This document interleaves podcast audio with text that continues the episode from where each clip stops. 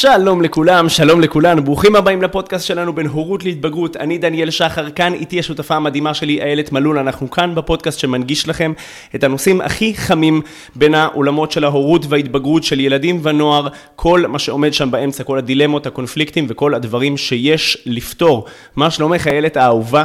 היי, hey, שלום, שלום לך דניאל, שלום לכל המאזינים שלנו, ואנחנו הולכים לדבר היום באמת על פרק מאוד מאוד חשוב, אה, שאתה ככה מביא אותו מתוך העבודה הכל כך מבורכת שלך עם המתבגרים, ואני רוצה רגע, אני לא יודעת מתי המאזינים יקשיבו לפרק שלנו, אבל אנחנו נמצאים היום בעיצומה של מהפכה משפטית, ו...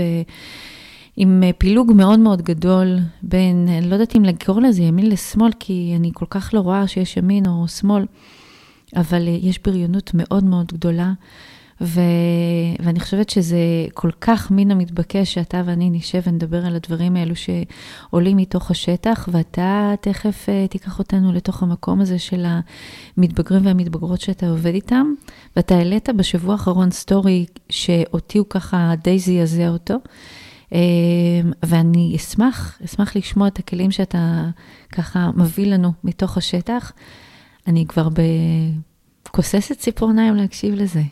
אז נכון, נכון מאוד אהובה, אנחנו נמצאים בימים קשים, ימים לא פשוטים, בריונות כן. uh, שהיא מילולית, בריונות שהיא גם פיזית הרבה פעמים, ואנחנו, המצב הזה הוא לא פשוט לאף אחד, וזה באמת uh, הזמן הראוי והנכון לדבר על בריונות, ולא סתם הצעתי שנצלם את ה... Uh, שנקליט את הפרק הזה למעשה, בגלל שיש פה...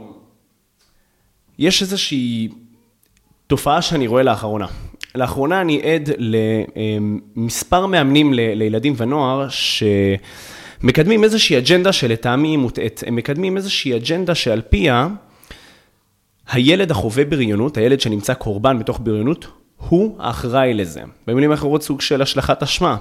אה, אני רואה סרטונים כמו, אם אתם עוברים בריונות, אתם אשמים, אתם אחראים, אתם אלה שנותנים לזה יד, אתם אלה שלא יוצאים מזה, אתם אלה שלא עושים לזה סטופ, אתם צריכים לקום ולהגיד לזה די. והיום אנחנו הולכים לדבר רגע למה האג'נדה הזו בעיניי היא כל כך מוטעית בפרק הזה על בריונות, כן. הוא יבוא ואני אבוא ואסביר לנו פה על שתי גישות מאוד מאוד חשובות שאנחנו כחברה ניגשים mm-hmm. באמצעותן לבריונות, אה, שזו הגישה החברתית והגישה הרפואית, כבר ניכנס לכל אחת מהן, כן. אבל אני רוצה רגע שנייה... לדבר פה רגע על, על למה, למה בכלל בריונות, אני לא יודע מי מכם שמע את הפרק הראשון לסיפור החיים שלי, אבל בגדול, אני באתי ממקום שעבר המון המון בריונות, והייתי במקומות מאוד אפלים וחשוכים בחיים שלי. והרבה פעמים כשאנחנו אה, באים גם עם כל הביטחון ועם כל כוח הרצון שבעולם, לבוא ולעשות סטופ לבריונות הזו, אנחנו לא תמיד מצליחים. למה? כי יש פה גורם חיצוני, הגורם החיצוני הזה נקרא סביבה. נכון. וכשהסביבה שלנו היא לא מקדמת, כשהיא מתבריינת ומחרימה, לא משנה... מתבריינת. בדיוק, כן, כן, כן, זו מילה שאני משתמש בה הרבה. הפכתי את זה כן. לפועל, כי זה דבר שהוא ממש יומיומי. נכון. ולצערנו, ו- ולא משנה כמה ביטחון אני אקרין, וכמה דימוי עצמי חיובי יהיה לי, וכמה אני אראה את עצמי טוב, ואאמין בעצמי, ואעריך את עצמי, אם הסביבה לא תיתן לי את המקום הזה, והיא תדרוך עליי פעם אחר פעם, בסופו של דבר אני אשבר. אה, ומדבר על זה מתן ניסטור, יש לו אה, פודקאסט שנקרא סביבה מנצחת. כן. שם יש ממש פרק שהוא מדבר על זה, והוא גם אומר את המשפט הזה, סביבה חזקה מכוח הרצון. הסביבה שלנו יש לה המון המון השפעה על אם נצליח או לא נצליח אתגרים, ואיך אנחנו אה, נתמודד איתם. אני רוצה רגע לשאול שאלה, אנחנו מדברים פה על בריונות. נכון. ואני יכולה להגיד שאני עובדת עם המון ילדים בבתי הספר ומדריכה פה את ההורים, והרבה פעמים ילדים... לא קולטים שמישהו מתבריין, מתבריין, נכון? כן, מישהו, ככה אני אומר, מתבריין. בדיוק, מתבריין כן. עליהם. וזה נראה להם מאוד מאוד טריוויאלי, שילד נניח נותן להם מין אה, צ'פחה כזאת, מין כאפה של אחי מה נשמע, או נוגע לו באיבר, באיברים המוצנעים שלו, כי זה, הצנועים שלו, כי זה בעצם אה, איזושהי ככה כיף, אה, כיף לא כזה. לא מזמן של... על זה, הייתה על זה איזושהי כתבה, ששני ילדים נגעו בקטין, או, או במישהו כן. צעיר מהם, אני חושב שהיה לו צרכים מיוחדים, אז הם נגעו בו, אמרו לו לעשות דברים מיניים, זה נוראי. אבל אני, השאלה שלי פה זה, קודם כל, מה זו? מה זו בריונות? אם אתה תוכל לחדד אה, למאזינים ולי, לכולנו, מה זאת בריונות?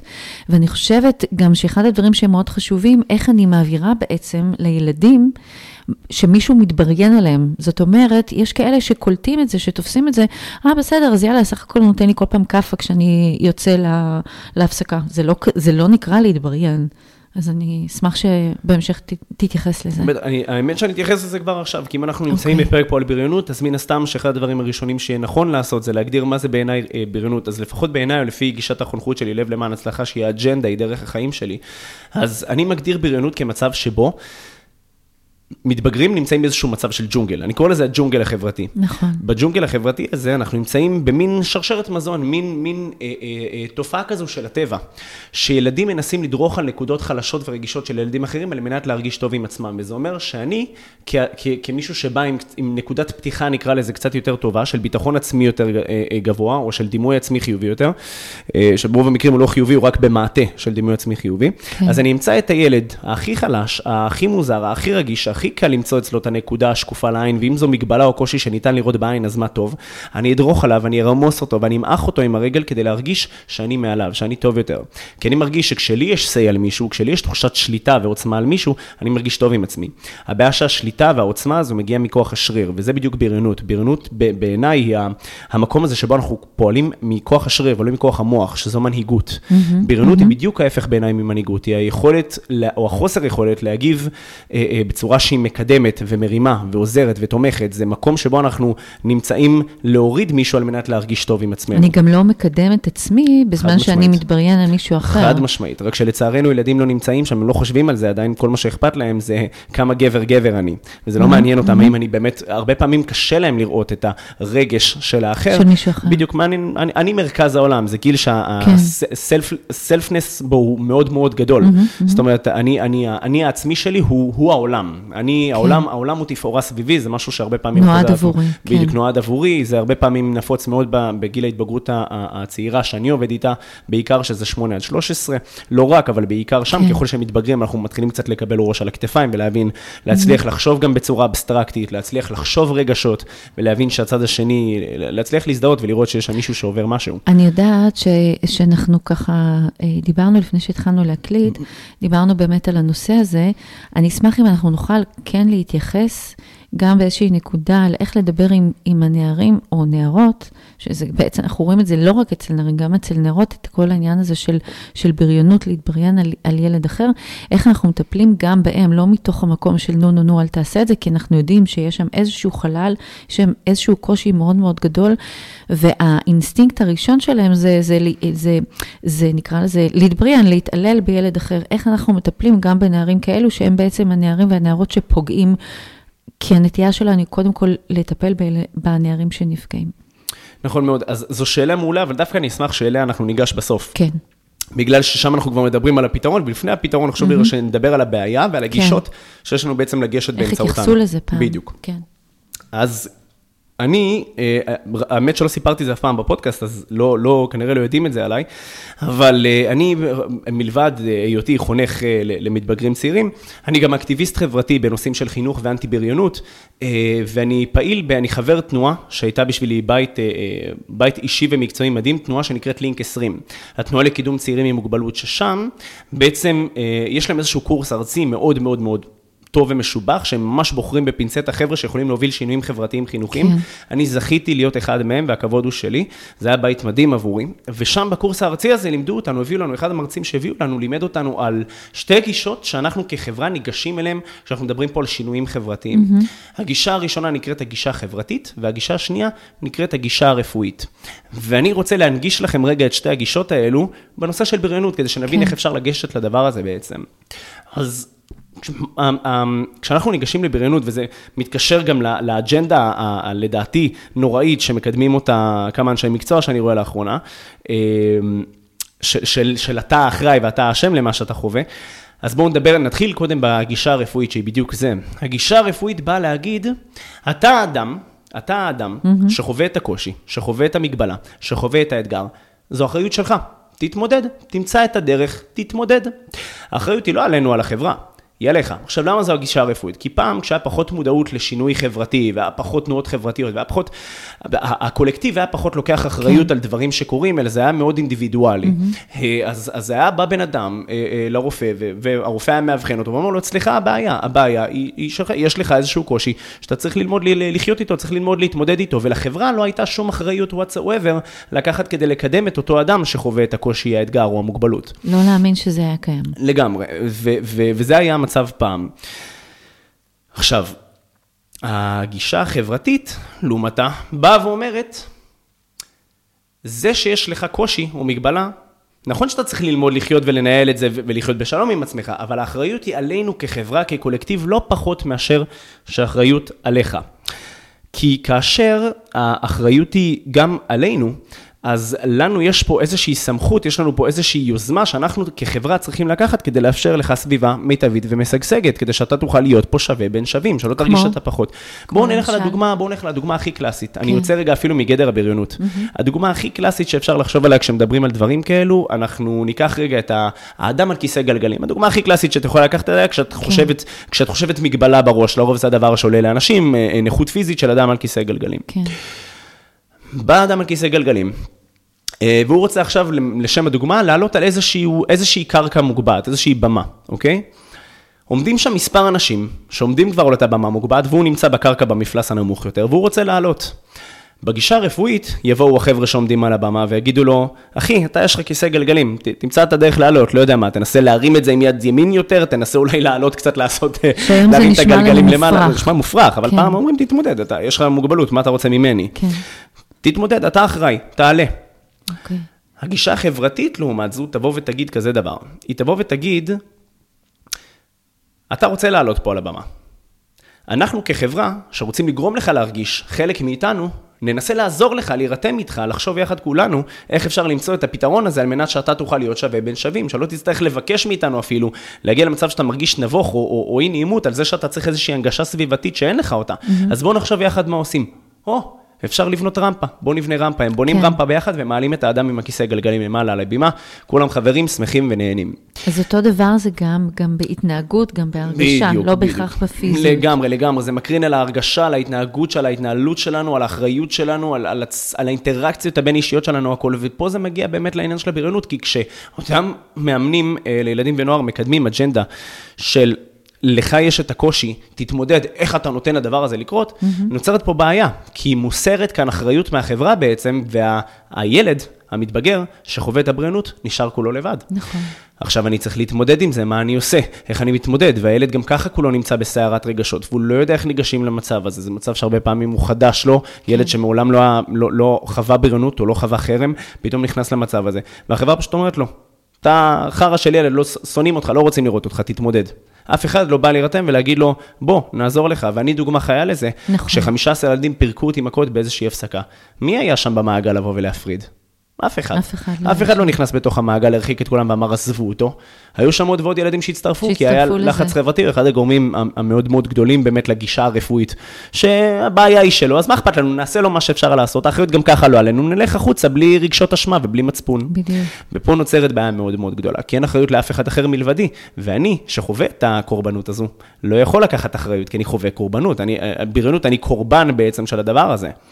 אמ, עכשיו, אני רוצה להגיד לכם שההשלכות הן מאוד מאוד גדולות, כי כשבא עכשיו, אה, באה עכשיו מאמנת אה, לילדים ונוער ואומרת, מעבירה מסרים ברשתות החברתיות, שאנחנו יודעים כמה הם נמצאים שם, והיא מעבירה מסר של, אתה, איך, איך אתה יכול, איך אתה, איך אתה נותן לזה יד, איך אתה לא קם והולך, איך אתה, איך אתה לא עושה לזה cut ושם על זה והמשך וזה. כן. בא עכשיו ילד שפוגש במסר הזה. והילד הזה מאוד מאוד רגיש, והוא נמצא בלהט ובשיא של כל הדבר הזה.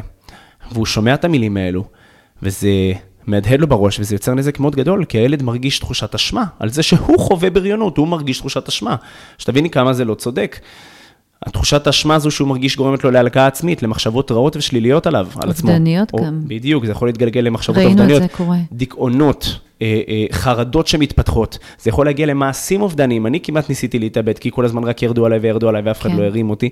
אז, אז אני מנסה לחשוב מה זה ילד שצורך את זה ברשתות חברתיות, בגלים ובלופים.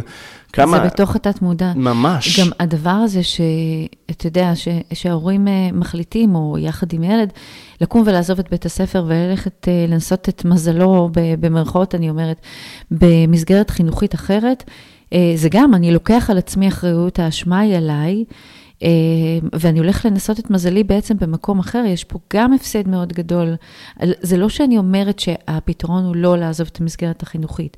כן, גם את זה, גם בזה צריך אה, אה, להעמיק את הדעת. אבל אני חושבת שברגע שהורים ו- ואותו נער שעובר אה, התעללות ובריונות מחליט לעזוב את המסגרת החינוכית וללכת למסגרת אחרת, הוא משלם פה מחיר מאוד מאוד מאוד גדול. נכון, כי עכשיו אתה צריך להישאר, להיות בדילמה של האם אני אה, עובר בית ספר, ואגב, לי הייתה את הדילמה הזו. כן. כשאני עברתי את ההתעללות שעברתי, זה היה בחטיבת הביניים. והייתה בי איזושהי מחשבה לעבור ל, ל, לתיכון, לעבור לחטיבה, ש, ששם כאילו שאר החברים שלי, רק בתיכון העזתי mm-hmm. לעשות את הצעד הזה, אבל בחטיבה פחדתי לעבור, כי פחדתי שהסיפור יחזור על עצמו. אני הלכתי, מי מכם שלא שמע את הפרק הראשון, כשהגיעה אה, שאלת חטיבת הביניים, אני הלכתי לחטיבה שכמעט אף אחד מהחברים לא הלך אליה, כי התיקים התגברו, ופחדתי שיתחילו שאלות. אז, אז אה, שם עברתי בעצם את ההתעללויות המאוד קשות שאני מספר לכם כאן עליהן היום, ופחדתי לעשות את המעבר הזה וללכת לאיפה שכולם הלכו, כי מה אם זה יחזור על עצמו? מה עם כל השאלות לגבי התיקים שלי והטורט שלי שהתגבר? כי אתה אחראי על זה, הייתה לך את ההרגשה הזאת. בדיוק, אני אשם, אני אחראי כן. על זה, מה אני עושה, איך אני מתמודד עם זה? אז המחשבה לעבור החרידה אותי, כי ההיסטוריה יכלה לחזור על עצמה, ולכן פשוט נכון. העדפתי להישאר עם הקיים, עם כמה שהוא כואב, פשוט להישאר עם הקיים, במקום כן. לאפשר לזה לחזור שוב. ואגב, זו נקודה שבדיוק אנחנו מגיעים אליה. כן. הקטע הזה של להישאר עם הקיים. נקודה נוספת שהיא בעייתית בזה שמאמנים, אה, שהמאמנים שאני רואה מקבל, מקדמים אג'נדה כזו מוטעית, היא ש... הם לא מבינים בדיוק את הדרך שבה ילדים ונוער ניגשים למצבים כאלו. כלומר, הם מסתכלים על זה מעיניים של אדם בוגר, אדם מבוגר. אדם מבוגר, אני ואת, כאשר סביבה לא נוחה לנו, כאשר הסביבה לא מקדמת ולא תומכת, אנחנו יכולים להגיד, אני קם והולך, לא רוצה להיות כאן. אם הסביבה הזאת לא מסוגלת למנף אותי ולהרים אותי ולקדם אותי ולהצמיח אותי, נכון. אוקיי, סבבה, אני, אני אלך ואני אמצא לי סביבה אחרת להיות בה, הכל טוב. אנחנו גם בודקים את עצמנו, מה שידרנו לא נכון ולא מותר נכון, בסביבה. יש לנו יכולת בקרה הרבה יותר גדולה. לחלוטין. לגמרי. ילד לא עושה את זה. נכון. אצל ילדים, לעומתנו, שלנו כבר יש איזושהי אג'נדה מוגמרת ובוגרת יותר ומורכבת והרבה יותר כאילו מובנת לנו, ילד עדיין לומד את הדברים האלו. לא רק שהוא לומד את הדברים האלו, שאלה המהותית, השאלה המהותית ביותר בגיל ההתבגרות, זה מי אני ולאן אני שייך. זה, השאלה הזו, אגב, בוא נפרק אותה בדיוק לדבר הזה, מי אני ולאן אני שייך. מי אני, זה מי הזהות שלי, נכון? נכון? נכון. שאני לומד עכשיו לבנות אותה בגיל ההתבגרות. נכון. ולאן אני שייך, מי החברה שאני, שאני, שאני, הרצון הזה להיות כל הזמן מתוך, השווים. נכון. אז אנחנו לומדים פה, למה המשפט הזה הוא אחד, מי אני ולאן אני שייך? הזהות שלי, המהות שלי קשורה, תלויה באופן אבסולוטי בסביבה שבה אני נמצא. נכון. ולכן מה שלא מבינים אותם מאמנים, זה שכאשר הילד חווה את הדבר הזה, את הבריונות הקשה הזו, הוא יעדיף להישאר במקום שעושה לו רע. וואו. הוא יעדיף, הוא יספוג על עצמו את כל הדבר הזה. בדיוק, ממנה. רק כדי להגיד, אני חלק מהקבוצה הזו, זה הגרופ שלי. המקובלים, או, או החבר'ה שאוהבים אותם, או חבר'ה שלא תקראי לזה באלף ואחת שמות. אני אשאר שם ואני אהיה מוכן לספוג את כל החרא מסביב, רק כדי שיגידו, הוא חלק מהקבוצה הזאת, הוא חלק, הוא חלק מהחבר'ה. וזו בדיוק, בדיוק הבעיה, שהזהות שלי מוגדרת על ידי הדבר הזה, ולכן אני, עם כמה שאני לפעמים רוצה לקום וללכת, אני לא אעשה את זה, כי אני יודע שהזהות שלי תלויה בדבר הזה. נכון, ואז ההורים שואלים, איך אתה מעז, איך אתה יכול להישאר שם במקום שרומסים אותך, ו- והוא מרגיש שזה המקום ש... שאליו הוא שייך. של לחלוטין, שהוא חלק מזה, שלעולם, זאת, זאת בעצם איזושהי תמונה שהוא מקבל על עצמו, אני זה שחוטף את הכאפות, אני זה שמקללים אותי, אני אותו, אני זה שהם... אה, מסנג'רים אותו, זה משהו שהוא גדל איתו. נכון. אבל מה בעצם... אבל אני אחד מהחבר'ה. נכון. וזה בסוף לוקח את המשוואה. וגם אם זה אומר אחד מהחבר'ה, שכל הזמן יכפכפו אותו. אני הייתי אגב זה. כן. אני הייתי אחד מהחבר'ה, שגם בחטיבה הייתי מסתובב הרבה פעמים עם חבר'ה שהיו עושים לי דברים לא נעימים, והייתי מסתובב איתם כדי להרגיש שאני חלק מקבוצה, חלק מחבורה, וגם בתיכון אגב, שכבר פחות הייתה בריונות פיזית, כן. אבל האלימות שם הייתה מילולית. היינו יוצאים במסיבות, והיו שואלים, כל הזמן היו עוקצים אותי, כי, כי אני הייתי הבחור עם הכי פחות ביטחון להתחיל עם בחורות. כן. ו, ותמיד היו עוקצים אותי עם הדבר הזה, שכאילו, דניאל, התארגנת להיום, דניאל, אתה יודע מה אתה עושה, דניאל, אתה יודע מה אתה, אבל בצורה עוקצנית, כן. גם שואלים אותי, דניאל, הבאת אמצעי מניעה, דניאל, כאילו כל פעם היו עוקצים אותי, mm-hmm. כאילו, היו בטוחים שאני זה שלא יצא ממנו כלום, אז כן. כל פעם היו, את יודעת, תופסים אותי על הדברים האלה, ואני הייתי סופג את זה, וסופג את זה, כי הייתה לי את החבורה שהייתי יוצא איתה. אז הרגשתי, או, אני אחד מתוך uh, כמה חבר'ה שיוצאים למסיבות ונהנים ועושים כיף, אז, אז, אז נספוג את זה, ניקח את זה, נכניס את זה איפשהו לתת מודע, נבלע את זה ונעלים את זה. כן. העיקר שאני אהיה חלק ממשהו. כן. בדיוק, ו- וזו לא הייתה סביבה מקדמת בשבילי, חד משמעית, וכשגדלתי הבנתי כמה שהסביבה הזו הייתה סביבה מזיקה, אבל באותם רגעים לא ידעתי את לא זה. לא הבנת את זה. בדיוק, ופה הם מפספסים את נקודת... לא היית מוכן לקבל את זה בדיוק, גם. ופה הם מפספסים את נקודת המבט הזו. שאנחנו כמבוגרים, קל, קל לנו לקום וללכת, קל לנו לעשות קאט. ילדים לא, וזה הבעיה. דבר נוסף, נקודה נוספת שחשוב לגעת בה. היא ה... בכלל ברמה השכלית, הפיזית, ההתפתחותית. בואו נבין דבר חשוב. ילדים מתחילים לפתח אה, יכולת אבסטרקטית, יכולת שכלית אבסטרקטית, כן. זאת אומרת לחשוב לא גשמי, לחשוב, כן. לחשוב רוחני ולחשוב על דברים ש, שהם ברומו של עולם. בערך מגיל 13-14 מתחילים לפתח את המיומנות הזו, אוקיי? Mm-hmm. Okay? אם זה התפתחות תקינה. אם זו התפתחות תקינה, נכון, חשוב לציין. ולכן, כשאנחנו יודעים היום, הילד, שגיל ההתבגרות מתחיל בגיל 8, יש נכון. פה פער של 5-6 שנים, נכון. שהילד לא מסוגל בכלל לחשוב בצורה אבסטרקטית של, של כאילו, האם זה המקום הנכון עבורי להיות בו. המוח שלו לא שם בכלל, הוא לא מכיל, כמו שאמרת, קודם אמרת, הוא לא, הוא לא מסוגל להכיל, הוא לא רוצה, הוא לא מסוגל אפילו להכיל את הדברים האלו במוח המתפתח שלו. נכון. ולכן, ילד שפוגש במסר כזה, כשמאמן מעביר מסר של, איך אתה מאפשר לזה לקרות, האחריות היא עליך. הילד לא שומע יותר מדי, הוא שומע, אתה אשם, אתה אשם. אתה הבעיה, זה מה שילד שומע, כי זה הדבר הכי גשמי שיכול לאחוז בו, אתה הבעיה. נכון. אתה האשם פה. נכון? ילדים מדברים במונחים של הוגנות. אתה אשם, אני אשם, אתה צודק, אני... פרקטי. בדיוק, מאוד מאוד מאוד שחור על גבי לבן. זה מה שילדים מדברים, זו השפה שילדים מדברים אותו, לפחות בגילאים הצעירים. כן. וזו הבעיה, כי אז כשהם פוגשים מסר כזה, הם לא מסוגלים, שוב, ברמה הנוירולוגית, הקוגנטיבית, השכלית שלהם, לא מסוגלים לעשות בכלל את ההמרה הזו, ללהבין שיש פה מסר, יש פה קונטקסט, יש פה מסר בין השורות של הסביבה שלך היא רעה לך, אולי כדאי לשקול ללכת לחפש אנשים אחר, ילדים אחרים. כן. אולי כדאי ללכת לחוגים אחרים ולמצוא שם קבוצות של אנשים. אין שם את זה, הם שומעים דבר אחד, אני הבעיה, אני אשם, וזה מכניס אותם למקומות האפלים האלו שדיברנו עליהם. וואו, זה, אתה יודע, אתה מדבר את זה ואני מדמיינת לעצמי את ה... כיתות שאני מדריכה שם את, ה, את הצוותים, ואני רואה את זה, אני רואה את החבורות האלו של הילדים ו, וילדות שהם הופכים לנערים ונערות בעצם. רואים את זה באמת, רואים את, את זה שמכפכפים אותו, שכל מה שהוא רוצה זה לצאת כבר, לצאת מהחבורה הזאת ולהיות כבר במקום אחר. אבל יש שם איזשהו כוח מניע שמצד אחד הוא מגיע מתוך בית שאומר לו, איך אתה עושה את זה, ואיך אתה מאפשר להם להרביץ לך, ו- ואתה גדול, ואתה יכול, ואתה מסוגל, ותחזיר להם, ותעשה להם, ו- והוא לא נמצא שם, הוא בסך הכל רוצה לקבל טיפה, אחוז אחד של תשומת לב, וגם אם התשומת לב הזאת היא, היא תהיה כפכוף, אז זה בסדר, אני, אני אקבל, אני אקבל את הפירורים האלו. וזה עצוב, דניאל, זה עצוב כי... כי זה גדל, אני אגיד לך למה, זה, זה גדל וזה הופך להיות עצום, ואנחנו דיברנו על העניין הזה של, אה, של מוש, כל מה שקורה עכשיו אה, במדינה שלנו, כל העניין הזה באמת שאנשים הרבה יותר כועסים אחד על השני ו, ו, ומתנהגים בצורה אלימה ובצורה בריונית. ואני חושבת שמה שקשה הוא זה שאנחנו לא שמים את ה... את הנקודה, את הריפוי, את המענה על הילדים האלו שפוגעים, בלהבין למה. כי אנחנו קודם כל, דניאל, אנחנו נותנים תשובה להתנהגות, לזה שהוא קילל, לזה שהוא הרביץ, לזה שהוא כפכף, לזה שהוא פגע מינית. אבל אם אנחנו נבוא ונבין למה הילד הזה יתנהג כמו שהוא יתנהג, ואנחנו לא נעניש אותו. בדרך כלל יש, יש שם איזשהו, איזשהו חסך רגשי. תמיד כן. יש שם איזשהו חסך כן. רגשי.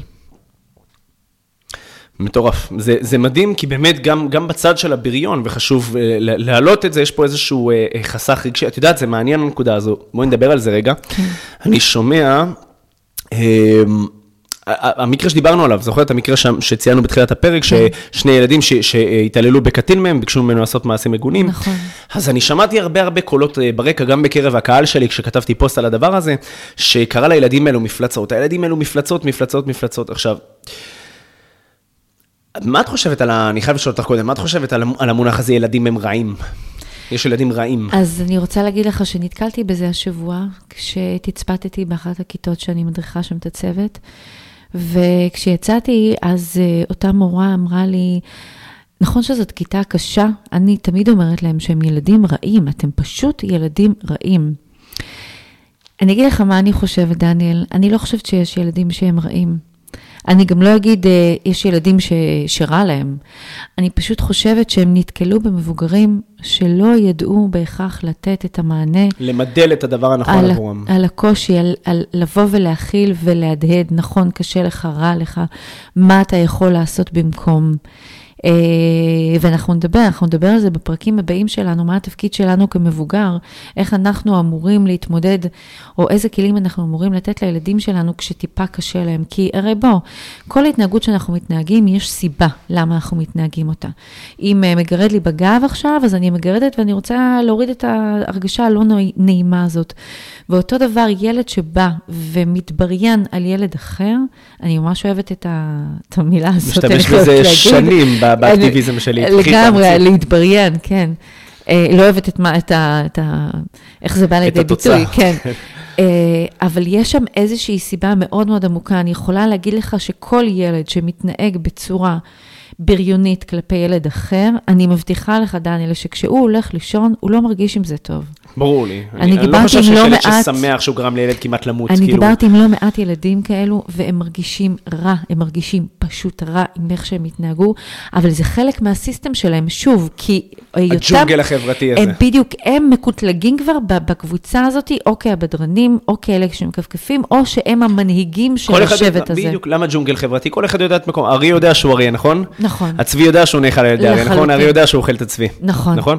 אז בדיוק אותו דבר. כל אחד מקבל את התיוג שלו בתוך הג'ונגל החברתי, ככה אני מכנה את זה, ו, אה, ובעצם כל אחד יודע את מקומו ו, וסופג, וסופג כדרכו של הטבע, רק שהטבע, בשונה מאיתנו, הטבע עושה את זה כי ככה דרכו של הטבע, וחיות לא הורגות מתוך uh, שנאה או מתוך רצון להכאיב, חיות הורגות כי זה הדרך שלהם לשרוד, רק שאנחנו, הרבה פעמים אז זה היופי, זה היופי בחינוך. פה טמון האוצר הזה של, של, של המילה חינוך, כי כן. חינוך מאפשר לנו בעצם להתקדם מן הטבע אל, אל האנושות. נכון. להתקדם מלהיות יצורים חסרי תבונה שפועלים ברמה, ברובד ההישרדותי, ליצורים בעלי תבונה, יצורים שמסוגלים להבין השלכות, לעשות רציונליזציות, אה, ולהבין מה הדבר הנכון לעשות עבורנו, להפעיל מצפון, להשתמש במוסר. אה, אז זה, זה, זה באמת כאילו... מבחינתי, הדרך לגשת לדבר הזה, ו... ואני, אני, אגב, לפי הנושא הזה, אני לא, לא חושב שיש ילדים אה, רעים, אני קשה לי עם המילה ילדים הם מפלצות, יש ילדים שהם מפלצות. כן. אני מאמין שאם תקחי את הילד הכי בריון, הכי בריון, שהוא כל היום מפרק ילדים, כן. תשבי איתו בחדר one on one ופשוט דברי ללב שלו, ותנסי להבין, תשאלי אותו, יש משהו, ש, יש משהו שקשה לך, יש משהו שיושב עליך, יש משהו שאתה רוצה לשתף אותי, אני אשמח לשמוע. מה, הוא יירק לך בפרצוף?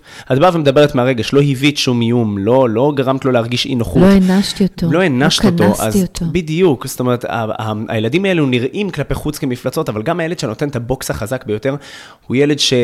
קיבל בוקס חזק ביותר, לא בהכרח פיזית, רגשית, לתוך הלב, בדיוק. יש שם איזשהו חסך, זה יושב על משהו. ילד, ש, ילד שצריך להכאיב לילד אחר כדי להרגיש טוב, הוא ממלא איזשהו צורך, לא בצורה חיובית, אני לא, אני לא מצדיק את זה, אני לא אומר שזה הדרך, ברור. אני לא אומר שהוא צריך למלא את החסך הרגשי שלו על ידי מכות לילדים, חס וחלילה. בשביל זה אנחנו פועלים כל כך נגד בריונות, אבל, אבל, אבל חשוב רגע שנייה לגלות חמלה במקום זעם, ולהבין שיש פה ילד שזקוק למשהו שהוא לא מקבל אותו, הוא נואש, הוא צועק למשהו ואין לו. נכון, אז חשוב שאנחנו נגיד רגע, זה לא שאנחנו, אתה ואני מקדמים את זה, אנחנו חושבים שאם מישהו מתבריין על ילד אחר, אז אני אשב איתו באמת, ואז אני אשאל אותו, חמוד, מה קרה? ואני כן אתן איזשהו מענה לבריינות שהוא. הגבולות חייבים להתקיים, אבל אחר כך... הגבולות האלו ישמרו, אבל אחר כך כן, אחרי שתהיה שם רגיעה, אני צריך כן לחתור לעומק הדברים. לחלוטין. וזה משהו שאת uh, בניתוח התנהגות עושה, נכון? אני עושה, בבתי ספר, שאת בוודאי. Uh, ממש נכנסת לעומק בוודאי, השורשים. בוודאי, בתי הספר, uh, uh, מה שאנחנו רגילים בעצם עד היום, עד שהתוכנית שלי מגיעה, אנחנו רגילים לתת איזשהו מענה על ההתנהגות הזאת הלא נאותה. אה, והתוכנית שלי באמת מביאה, אומרת, רגע, אנחנו ניתן איזשהו מענה על ההתנהגות הלא נוטה, על ההתבריינות הזאת, אבל בואו נבדוק גם למה הוא התבריין. מה השורש וככה אנחנו נמגר את זה. לגמרי, כן. ואני באמת אה, אחתום את ה... אתחיל לחתום את הפרק הזה במילים של, של לגלות, לגלות חמלה, כמו שאמרתי, ולגלות תקווה, ולפעול ברמה החברתית. אני רוצה שכולנו נזכור, אה, מאזינים ומאזינות יקרים ויקרות, איך אני אוהב להגיד את זה שלנו.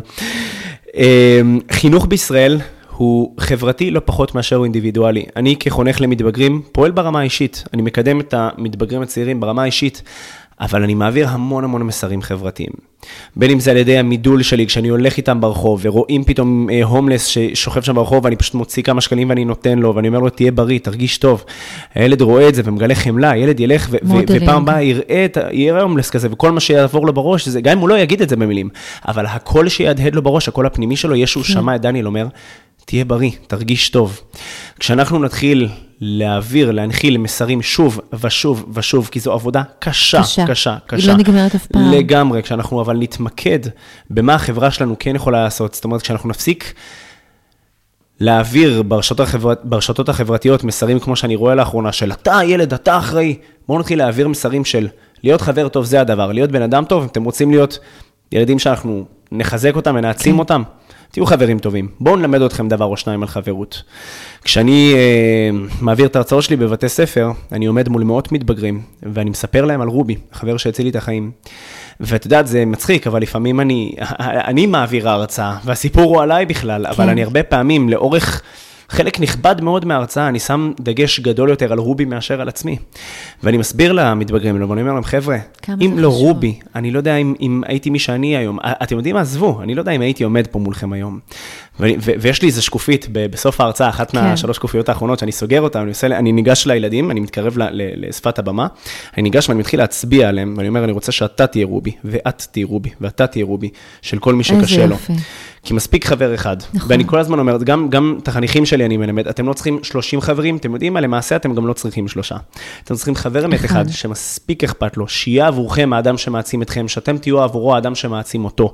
וככה, ברמה הכי, הנה, ירדנו לפרקטיקה, ככה אפשר ליצור סביבה מנצחת ומעצימה, הרי... כשאנחנו חושבים על לעשות שינוי חברתי, אז את יודעת, הדבר שקופץ לנו לראש זה להתחיל עכשיו שינויים והפגנות, וכשאנחנו חושבים חברתי, חושבים כן, הפגנות. כן. חושבים עכשיו אה, אה לעמוד אה, מול מאות, חושבים על כאילו, לא, חבר'ה, שינוי מתחיל, זה אגב, גם משהו שלמדנו בלינק 20, זה, זה מושג שנקרא בוטום אפ. Mm. שינוי שמתחיל מלמטה, mm. מהקרקע, מה, מה, של הדבר הזה, והוא כבר יחלחל למעלה, הוא כבר יעשה את, את האדוות שלו, בדיוק. כן. ו... ברגע שאנחנו נגרום אפילו לזוג חברים להיות חברים טובים יותר, לאחד להתנהג טוב יותר כלפי השני, לשני להתנהג טוב יותר כלפי הראשון, הם ילכו ויעבירו את זה, על העירוי, נכון. יסתכלו עליהם ילדים אחרים להתנהגות שלהם. זה חבר שאני רוצה להיות, בדיוק, זה חבר שאני רוצה להיות, זה, זה, ככה אני רוצה שיתייחסו אליי, ככה אני הייתי רוצה להתייחס למישהו, בכבוד, באהבה, בחברות. באמת, מרצון... יש פה שליחות מאוד בדיוק, מאוד גדולה לכל מ... אחד מהם. לגמרי, לגמרי, והם ממדלים את זה אחד לשני. ברגע שאנחנו נתחיל את השינויים הקטנים האלה עם, עם, עם זוג חברים, שלישיית חברים, פתאום את רואה איך הילדים כבר מתחילים להניע את השינוי, וזה בוטום-אפ, כי יום אחד הם יגדלו, והם יהיו אלו שיעבירו לדור הבא את המסרים החשובים האלו. מקסים, מקסים, דניאל. זה... הקפצת את זה בסטורי שלך השבוע, ואני ככה רואה את זה שאתה מדבר את זה מתוך הבטן, וזה, וזה בוער בך, וזה כל כך אותנטי ויפה, ואני בטוחה שהמאזינים שלנו הרגישו את זה. אני ראיתי את זה בלייב. אני יודע, אני יודע, ואני באמת, אה, תודה רבה, ואני באמת מקווה שהמילים החשובות האלו עברו אליכם. להתמקד במה החברה שלנו מסוגלת לעשות, כי לחברה שלנו יש המון עוצמה, אם אנחנו רק יודעים לנתב אותה למקום הנכון. ותזכרו ששינוי חברתי, הוא מתחיל בשניים, שלושה ילדים ולא יותר מזה, אה, והשינוי מגיע. כשאנחנו מספיק מתעקשים על זה ואנחנו מספיק נחושים, כל שינוי שנרצה שיעשה בחיים שלנו, האישיים, החברתיים, הרגשיים, הכל קורה. רק צריך להתמיד. וזה פרק כל כך חשוב. אה, בעצם כל הפרקים שאנחנו מקליטים בעינינו, אתה יודע, זה כמו הילדים שלנו ש, שהם הכי טובים, והפרקים הם באמת כל כך חשובים. ומאזינים יקרים, מי שמקשיב לנו עכשיו באמת, זה פרק שחשוב שפשוט תפיצו אותו. תפיצו אותו ל, ל, במסגרות חינוכיות, למורים, לגננות, לצוותים חינוכיים בכלל. אה, להורים, להפיץ את זה לכמה שיותר אנשים, מטפלים, פרק רפואיים. תנו למתבגרים שלכם לשמוע את זה. להקשיב לדבר הזה. זה מטורף בשביל מתבגר לשמוע פרק כזה, ווואלה, כן. להפיל לו כמה תובנות של, וואה. אני באמת יכול להיות חבר טוב יותר, אני באמת כן. יכול להשתפר במקום הזה. או, או שפתאום אפילו יהדהד לו בראש דבר לא נעים שהוא עשה לילד אחר, ויבין שיש דרך אחרת שאפשר להתנהג בה, שהוא יכול להיות בה הרבה יותר גבר-גבר, מאשר הבריון הזה שרוצה נכון. להרגיש שהוא אריה בג'ונגל, אה, כי אנחנו כבר לא בעלי חיים, התקדמנו. נכון, אז בואו נקדם לשם בדיוק, אז בואו נקדם לשם גם את הילדים שלנו. מאזינים יקרים, מאזינות יקרות, אני מודה לכם ולכן על שאתם מקדישים מהזמן שלכם והמאמץ שלכם כל פעם להקשיב לנו ולקבל את התוכן שלנו. אנחנו באמת עושים את זה מהאהבה, אני ואיילת, כי חשוב לנו להעביר את המסר, אין פה שום ספונסור שיפ, לא עושים מזה כסף. באים, אני מגיע עד לקליניקה של איילת, אנחנו יושבים פה בקיבוץ תל, יוס, תל יוסף, ואנחנו פשוט מד, מסתכלים אחד לשנייה בעיניים. ומדברים, מדבר, את הדברים החשובים האלה. לגמרי, הדברים, השינויים שהיינו רוצים לראות על הילדים של כולנו, בהורות של כולנו. אמן. אה, וזה, בשביל זה אנחנו קיימים, ובשביל זה אנחנו כאן. דניאל, תודה רבה על פרק כל כך משמעותי. אני מחכה כבר לפרק הבא. אה, ומאזינים יקרים, מאוד מאוד חשוב שתדרגו ו... נכון. ו- תעקבו אחרי הפודקאסט המדהים הזה. נכון, יש לכם ממש כפתור שנקרא מעקב, ולידו, כן. אני אג, אגב, עד היום הייתי בטוח שמעקב גם אוטומטית מסמן את הפעמון, מסתבר, או לפי מה שראיתי, שזה לא ככה. כן. אז מעקב יגרום לכם אה, אה, אה, לעקוב אחרי הפרקים שלנו, אני לא יודע איזה התראות זה ייתן לכם, אבל כן. הפעמון ישלח לכם התראה כל פעם שעולה פרק חדש. נראה נכון. לי שמעקב יציע להם את הפודקאסט יציע, שלנו, נכון. או יציע או יעזור להם לאלגוריתם של התוכנה, להציע את זה לעוד אנשים נכון. גם. אה, אבל תלחצו גם על המעקב וגם על הפעמון, כדי שכל פעם שאנחנו מעלים פרק, תוכלו לקבל אותו ולהאזין לתוכן הכל כך חשוב הזה. ולהעביר אותו הלאה. לגמרי. דניאל, תודה רבה. תודה לך, יקירה, ותודה לכם, להתראות. ביי.